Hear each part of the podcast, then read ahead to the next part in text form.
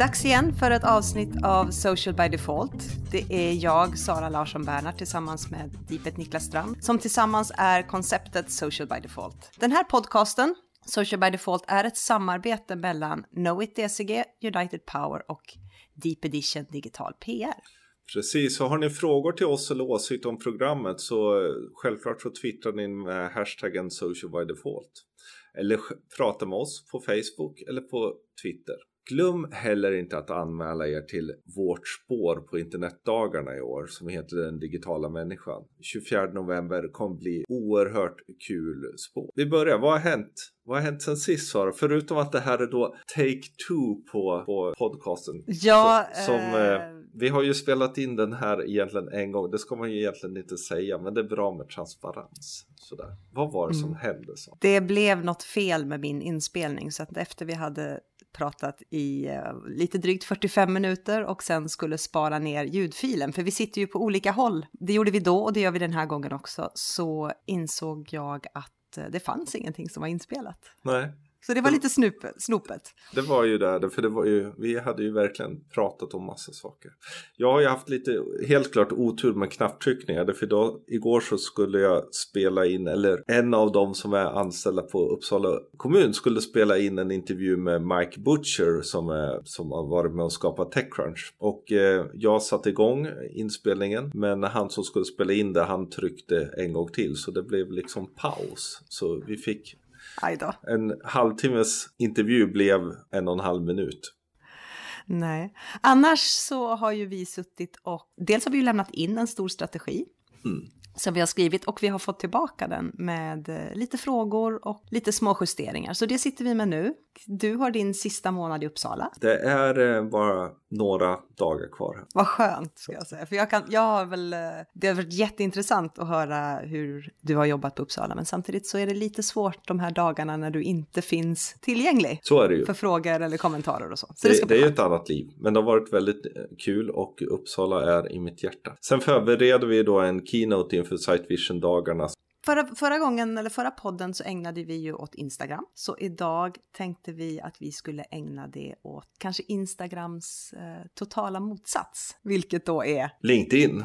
Ofta är det ju så att vi får ganska mycket frågor om LinkedIn. Mm. Hur ska man göra och så. Och skillnaden på LinkedIn som jag har tänkt mycket är ju att dels handlar det om det personliga och den är ju idag också en ganska intressant plattform för företag. Mm. Det, det är ju så att LinkedIn har ju förändrats ganska mycket de senaste åren eh, och arbetat hårt för att bli en av de viktigaste sociala mediekanalerna just för företag och organisationer som strukturerat vill arbeta ur ett mer professionellt perspektiv. Det är inte längre som, som det var från början ett digitalt CV som låg stilla på nätet tills man kände sig, man kände behov av att söka nytt jobb eller kanske mer eller mindre ofrivilligt var tvungen att söka nytt jobb. Utan det har ju, även om det från början var avsett för rekrytering och för att bygga personliga varumärken utvecklats till att handla minst lika mycket, om inte mer, om varumärkesexponering och kunskapsöverföring för företag och organisationer. Så det är ju en utveckling som man bör ha med sig och som man då som företag behöver ställas inför och fundera på hur ser vår närvaro ut där? För det är ju ett väldigt speciellt nätverk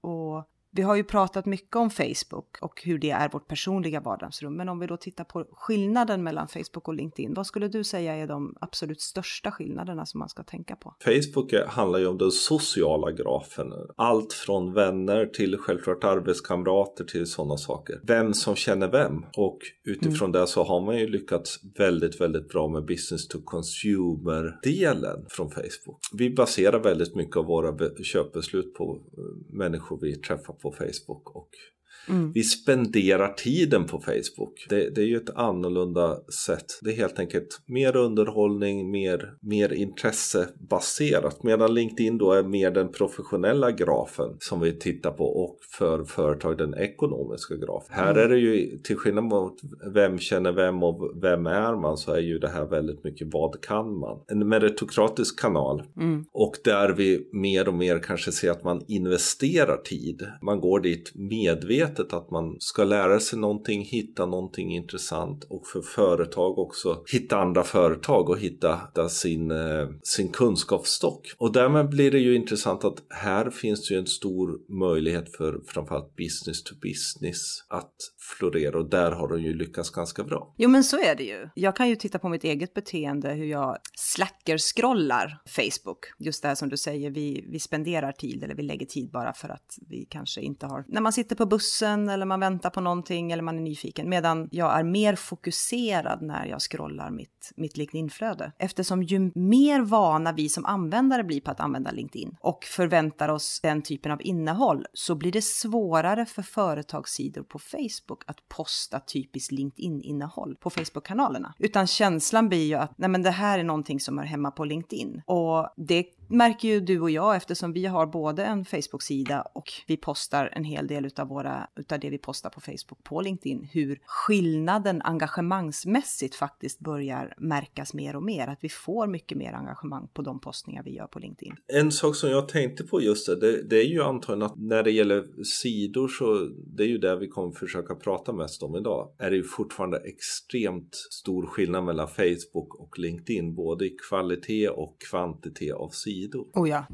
Om man tittar på hur LinkedIn ser ut idag, framförallt utifrån ett sidperspektiv eller ett företagsperspektiv, så har ju business to business-företagen har ju haft en, en stark närvaro där länge. De har ju sett potentialen att använda LinkedIn som, som en kanal där man bygger sitt varumärke utöver ren rekrytering och dessutom då i det långa loppet kan generera väldigt starka relationer som genererar leads. Medan business to consumer-företagen börjar väl så smått inse att de behöver ha en närvaro närvaro där, men otroligt många företag tycker jag saknas. Företag som jag kanske funderar på, men det herregud, det är en självklarhet att de ska finnas här och där har de ingen närvaro. Jag tror att man är ganska traditionella i sitt sätt att tänka LinkedIn idag och inte riktigt har följt med hur LinkedIn har utvecklats och hur vi har anammat LinkedIn som det här professionella nätverket. Du vet, vi har ju, utan att säga företagets namn, så är det ju ett av Sveriges absolut största företag inom business to consumer, som idag på LinkedIn har strax över 25 000 följare och de har inte gjort en enda kvalitativ uppdatering. Alltså de har 25 000 personer som säger att vi är intresserade av vad ni har att säga. Och det enda de pushar ut är ett automatgenererat flöde av rekryteringsannonser på två rader som driver mig till en annan sajt. Och det för mig är väldigt förvånande för här behöver consumer, eh, alla konsumentföretag verkligen steppa upp och hänga med i utvecklingen.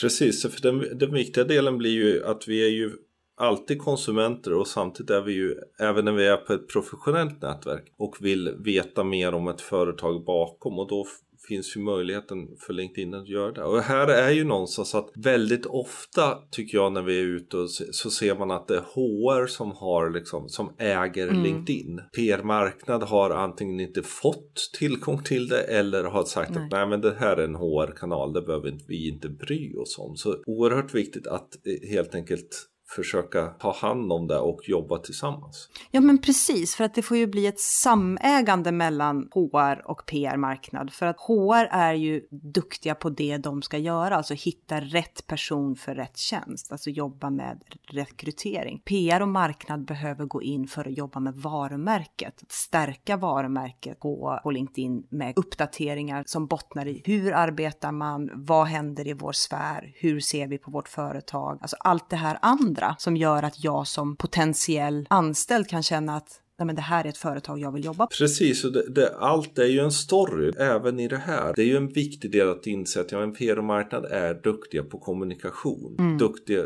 duktiga på att paketera och liknande. Så det blir viktigt även för HR att utnyttja den kapaciteten. Samtidigt, ett jobb är inte intressant om det, man inte ser att ett företag är ett bra företag. Nej, så, precis. så det är helt enkelt oerhört viktigt att man börjar äga, äga LinkedIn tillsammans. Lite siffror då. Jag vet att vi pratar pratade kort siffror och statistik i vår förrförra podd när vi poddade om hur svenskarna och internet använder sociala medier. Men tittar man lite grann statistikmässigt så vad ser du för skillnader och nyheter just när det gäller LinkedIn? Det var ju väldigt mycket siffror i den podden men däremot LinkedIn mm. kanske vi inte pratade så mycket om. Därför det, det är ju låga siffror om man tittar utifrån då den här undersökningens scope som är alla internetanvändare. Då är det 22 procent som någon gång har då använt LinkedIn det här året året, vilket då kan vara att man har gått in och tittat till sitt CV. Ja, eh, och även i arbetsaktiv ålder, daglig användningen är ju mellan 2 och 5 procent, så det, det, är ju lågt. Mm. Samtidigt så måste man ju då se att jämfört till exempel med Facebook där vi då har vår sociala graf, där 70 procent använder därför där har vi alla sorters vänner, så är LinkedIn ganska specialiserat för vårt arbetsliv. Idag ganska kanske inte så ofta att alla som jobbar tycker LinkedIn är värdefullt utan det är mer tjänstemän, mer, mer vi som jobbar. Precis, kanske i... det är mer branschspecifikt. Globalt 380 miljoner användare. Mm. Det har vuxit rejält. Ja, det har vuxit rejält. Det är 10 miljoner registrerade företag och det är ju där vi, vi, det håller på att bli ett riktigt stort globalt företagsregister. Lite Google för företag, man kan gå in och söka ja, på allt och kanske hitta. Ja, precis. Och framförallt social, alltså i det här fallet så blir det ju lätt att likna det ändå med ett Facebook för det professionella livet. Om man tittar på vilka branscher som är störst då? De tre största branscherna på LinkedIn är ju, toppas ju av IT, vilket kanske inte är jätteförvånande. Dels eftersom det är så sammankopplat med det digitala men också att IT-branschen har ju en förmåga att både anställa och rekrytera mycket folk. På andra plats kommer, och det här tycker jag är intressant, kommer myndigheter och kommuner. Och det ska vi prata lite mer om sen. Och på tredje plats hälsa och sjukvård där 15 000 sjuksköterskor är registrerade på LinkedIn, vilket då också sammankopplar bra med kommunerna med tanke på att kommuner behöver anställa så mycket folk inom sjukvården. Ja, och landsting är ju också myndighet ja. och liknande, så, så det är ju verkligen offentliga, offentliga Sverige där helt, helt klart. Mm. Vi har ungefär 30 000 lärare som är eh, registrerade, 6 000 socionomer och 35 000 vd. Så det är intressant. Men framförallt om man tittar då på myndighet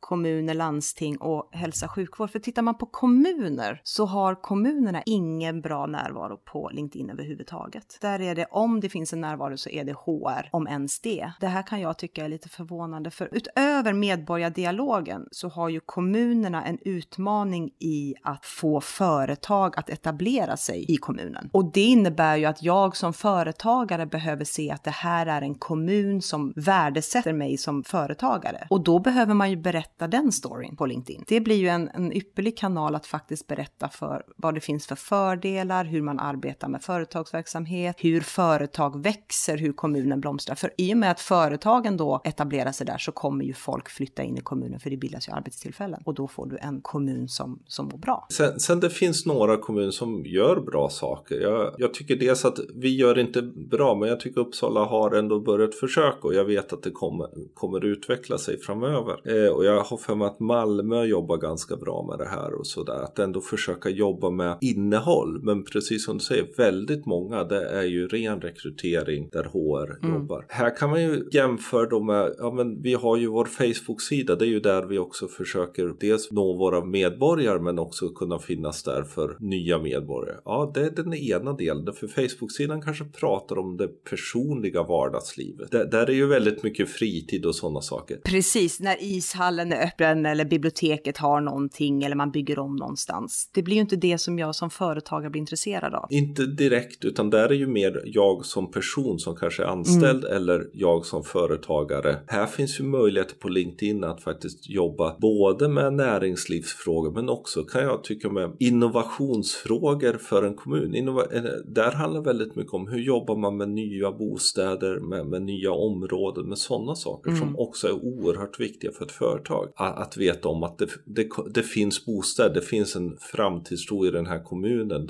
Väldigt mycket av det arbetet idag, eller den informationen, läggs idag på kommunernas webbplatser. Mm. Idag så söker jag mig till en webbplats om jag vill ha svar på en specifik fråga. Mm då surfar jag in där. Men för att, det gäller ju inte bara kommuner, utan generellt att för att företag och kommuner och organisationer ska finnas i min vardagliga liv så behöver man jobba med den typen av innehåll i de kanaler där jag är varje dag. Och där är då LinkedIn en jätteviktig kanal utifrån då eh, företagarperspektiv. Det där är ju för alla företag att fundera över var arbetar vi med både sådana såna mer hårda frågor men sen de mjuka frågorna. Vår kultur, DNA i mm. företaget. Vad är det faktiskt vi står stå för. Så det tror jag är viktiga saker. Sen, sen självklart så ligger hela business to business tanken i det här. Att jag menar, är det så att LinkedIn håller på att bli det riktigt stora företagsregistret och framförallt har fler och fler saker på gång som gissningsvis kommer innebära en helt annan maktbalans när det gäller eh, hur vi köper saker så, så är ju det oerhört viktigt att redan idag börja jobba med LinkedIn som en plattform. Men lite nyheter då, för de har ju förändrats ganska mycket. Vi har ju haft ett antal uppdateringar eh, från LinkedIn under den senaste tiden, vilket också gör att de, man ser hur de satsar på att verkligen ta position. Precis. Eh, det har hänt någonting med meddelandefunktionen. Ja, nej men alltså det är ju en vi har ju sagt att vi ska mest prata sidor men det som är lite intressant är ju ändå att de har då förändrat meddelandefunktionen för alla användare och gått mm. samma väg som alla andra. Att det är mer likt en chatt. Man, man kan få en helt annan överblick över alla meddelanden, över hela konversationen som har skett. Och det är ju bra. Sen kan man ju diskutera om det är vettigt på LinkedIn att addera animerade giffar och emojis i meddelanden. Det känns väl sådär. Helst inte. Nej, sen Showcase Pages, jag kan aldrig uttala mm. det. Det är ju inget nytt, men det är ju någonting som jag tycker fler borde arbeta med eftersom man bara kan göra en sida utifrån en domän och många företag har olika avdelningar eller olika mm. länder och liknande så är det här en möjlighet att faktiskt se till så att avdelningen får en egen sida och kan bygga sitt varumärke där. Fördelen med Showcase Pages är ju också att jag som person kan välja om jag vill följa bara huvudflödet eller eller om jag vill följa en, en enskild undersida beroende på vad det är som intresserar mig. Från och med den 14 oktober så kommer ju alla grupper på LinkedIn vara privata. Från att ha varit öppna, det har ju funnits olika typer av grupper, men för att ha, från att ha varit, kunnat ha öppna grupper där vem som helst kan gå med och man kan se allting som pratas om så är, kommer det finnas två olika typer av privata grupper. De ena är synligt privata, vilket innebär att du kan se att gruppen finns, men du måste begära att få lov att komma med. Eller så är det helt dolda privata grupper som inte överhuvudtaget kommer synas, eh, inte ens i sök. Så att där är det otrolig vippkänsla. Och anledningen till att man har gjort detta är ju att man har sett att de öppna grupperna i dagsläget har lägre kvalitet på diskussionerna och att det är mer boostning av sitt eget varumärke som sker där. Medans i de mer slutna hemliga grupperna så har man sett att diskussionsnivån är mycket, mycket högre och det är en bättre utdelning utav innehållet. Så det kan jag tycka är en eh, intressant och spännande utveckling som gynnar grupperna på LinkedIn.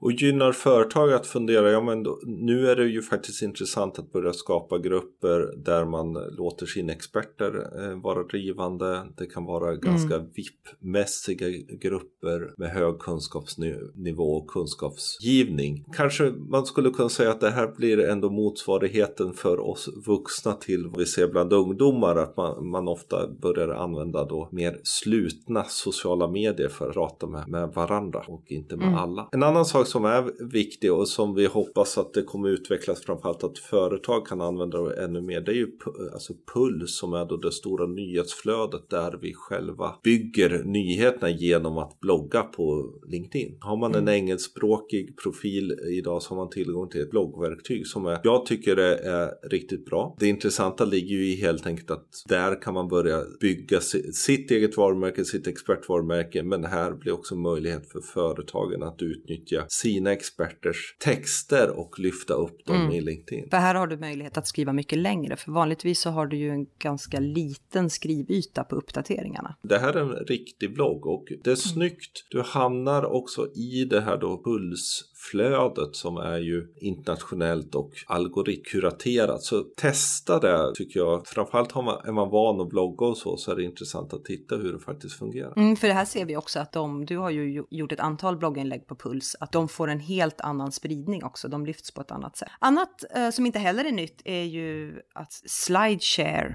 ägs idag utav LinkedIn, vilket är en kanal som blir jätteviktig att utnyttja för företag om man vill ladda upp. Man har mycket white papers eller presentationer eller pdf-er som man vill ha samlade på ett ställe som då dessutom blir sökbara. Då kan man använda sig av slideshare och då får du också högre synlighet på dem på LinkedIn. Så det ska man ha med sig. Sen har ju LinkedIn släppt ett antal saker som, som innebär att man verkligen börjar se nu att det här med business to business försäljning, re, ren alltså lead-generation från LinkedIn är någonting de satsar på. Dels har de satsat mm. på något som heter LinkedIn Sales Sales Navigator som är helt enkelt att hjälp med att hitta rätt eh, potentiella köpare genom att utnyttja då registret, alltså LinkedIns eh, olika databaser. Man har något som heter LinkedIn Lead Accelerator som då är en del av köpeprocessen. Det helt enkelt om man använder Sales Navigator i början för att hitta rätt personer som borde kunna vara intresserade så är det här Lead Accelerator när man har fått dem intresserade kan mm. då arbeta med ett antal olika nivåer och äh,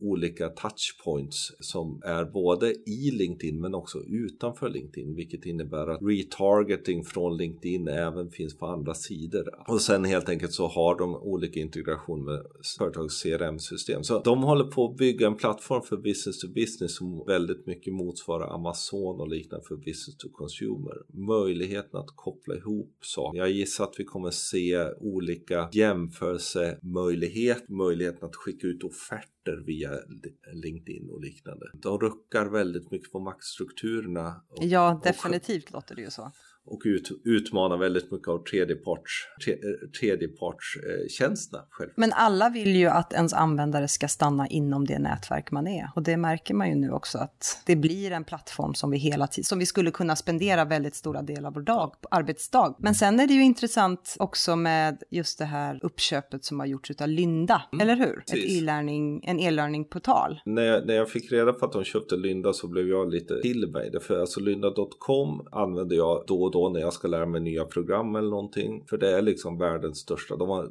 så galet mycket möjligheter och när nu det kopplar ihop sig med LinkedIn så blir ju möjligheten med det livslånga lärandet, det blir möjligheten att sälja mm. grejer till företag, de anställda finns på LinkedIn och det kopplar ihop. Så vad de gör av det här eh, får vi ju se, men, men det är ju helt klart intressant. Lite annat som, som kan vara värt att notera, sådär tips och tricks när det gäller LinkedIn när man ska tänka på som företag. Alltså dels så ska man vara medveten om att även LinkedIn har en algoritm som viktar uppdateringar, vilket innebär att, och det märker man ganska snabbt, att så fort man får ett antal likes så sticker de iväg. Men det innebär också att man kanske både om man har någonting väldigt väldigt viktigt man vill få ut att man både jobbar med det på LinkedIn men också ser till att man har de anställda som ambassadörer och influenser och ser till att de går in och likar och hjälper de här inläggen upp. Sen är det ju, det är ett lite trubbigt verktyg, framför allt när man vill jobba med bilder och inlänkningar och bild och så. Det blir ganska små bilder så att förhoppningsvis så kanske vi ser en förändring där. Idag... Eh, men där blir det ju viktigt då att nu när det är så att man helt enkelt testar och, och försöker hitta ett, ett bra sätt att jobba med bilder. Eh, därför mm. De syns ju ganska bra i flödet. Sen när, när man väl är på sidan så blir de väldigt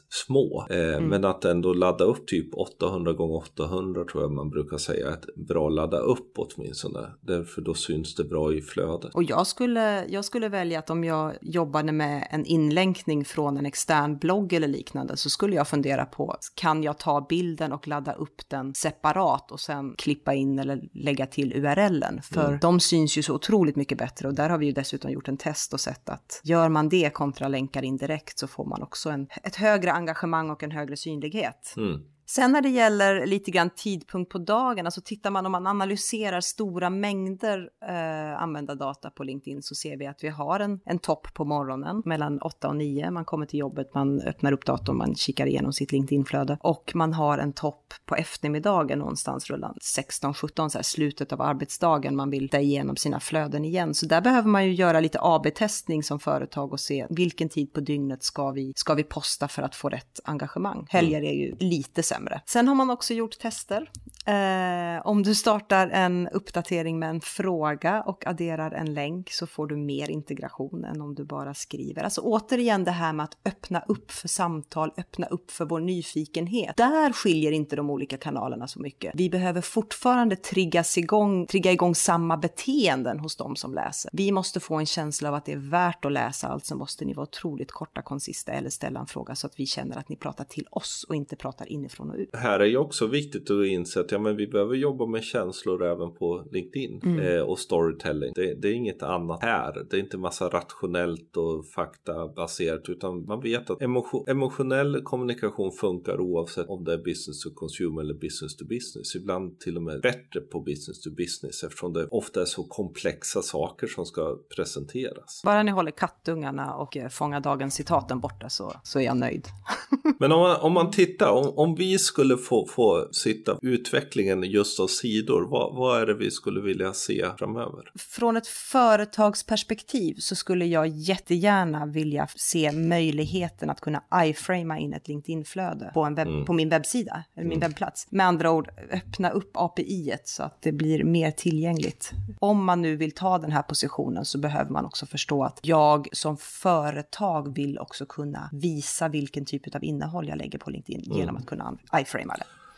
Lite som man ser eh, Tekniska verken nya sajt. Eh, där har mm. de ju liksom sprängt in saker från sociala medier i, i innehållet. Och det går mm. ju tyvärr inte med LinkedIn-innehåll. Och det är ju synd, för jag menar, där skulle det ju vara bra att kunna flytta över det för att utnyttja synergierna mellan eh, både Precis. webb och sociala medier. Och själva sidhanteringen behöver ju bli bättre. Ja. Lite som vi var inne på med bilder, dels större bilder men också hanteringen av när man skriver. Och bättre, bättre adminläge i sig tycker jag. Idag om jag vill välja sida att posta på om jag är administratör för flera sidor så kan jag idag bara nå en av dem och den är förutbestämd utan någon konstig anledning om jag scrollar över min lilla avatar. Så att där vill jag kunna se någonting liknande som finns idag på Facebook, att jag kan helt enkelt gå in och välja vilken sida jag är intresserad av att administrera just nu. Mycket, mycket enklare. Och här har vi ju Facebooks business manager som är mm. ju ett nytt system som verk bygger på att man ibland har flera sidor att administrera. Och till exempel som oss för marknadsförare, flera sidor som vi inte är anställda på eller så, men som man jobbar med ändå eller kollar sta statistik och liknande. Det här behöver ju LinkedIn förstå att men vi kanske jobbar med tre, fyra, fem företag, men vi är inte anställda på dem. Nej, och där precis. behöver man liksom hela tiden gå emellan. Så mycket viktigt. Tror du att eh, Facebook stillatigande kommer se LinkedIn växa eller kommer vi se att Facebook kommer vilja försöka ta De har ju varit på gång och byggt flera omgångar, byggt professionella motsvarigheter eller professionella tjänster i Facebook, men de mm. har ju mm. inte lyckats. Alltså jag tror att det kan vara svårt, för att vi ser på de här olika nätverken på så olika sätt. Där Facebook, just som du sa i början, är mycket av vår sociala graf. Och frågan är hur mycket vi vill koppla ihop vår sociala graf och vår professionella graf, även om de är, om man tittar utifrån, är väldigt ihopkopplade, så tror jag att det kan vara skönt att ha två olika nätverk. Så jag, jag ställer mig tveksam till att Facebook faktiskt lyckas ta den positionen. Jag håller helt med dig där. Jag, jag, jag tror det finns en en nytta och ett värde i att LinkedIn är så inriktat på det professionella livet mm. som det är. Och jag tror i det här fallet så tror jag att Facebook är jättesvårt. Att de har inte lyckats hittills Nej. göra motsvarande. Så ja, vi får se. Tror unga då, kommer de börja tidigare med LinkedIn? Jag tror att de kommer inse att de behöver jobba med sitt varumärke där mycket tidigare. De har tillåtelse att vara spexiga och roliga och innovativa, lite tillbakalutande i alla andra kanaler. Men för att kunna ha en chans på arbetsmarknaden idag så behöver man tidigt fundera på hur ska jag kunna ta plats och synas i ett LinkedIn-flöde för att kunna ha ett försprång helt enkelt. Så ja, det tror jag. Så eh, det var, väl, det var väl det vi hade Det finns idag. mycket om LinkedIn. Inte till.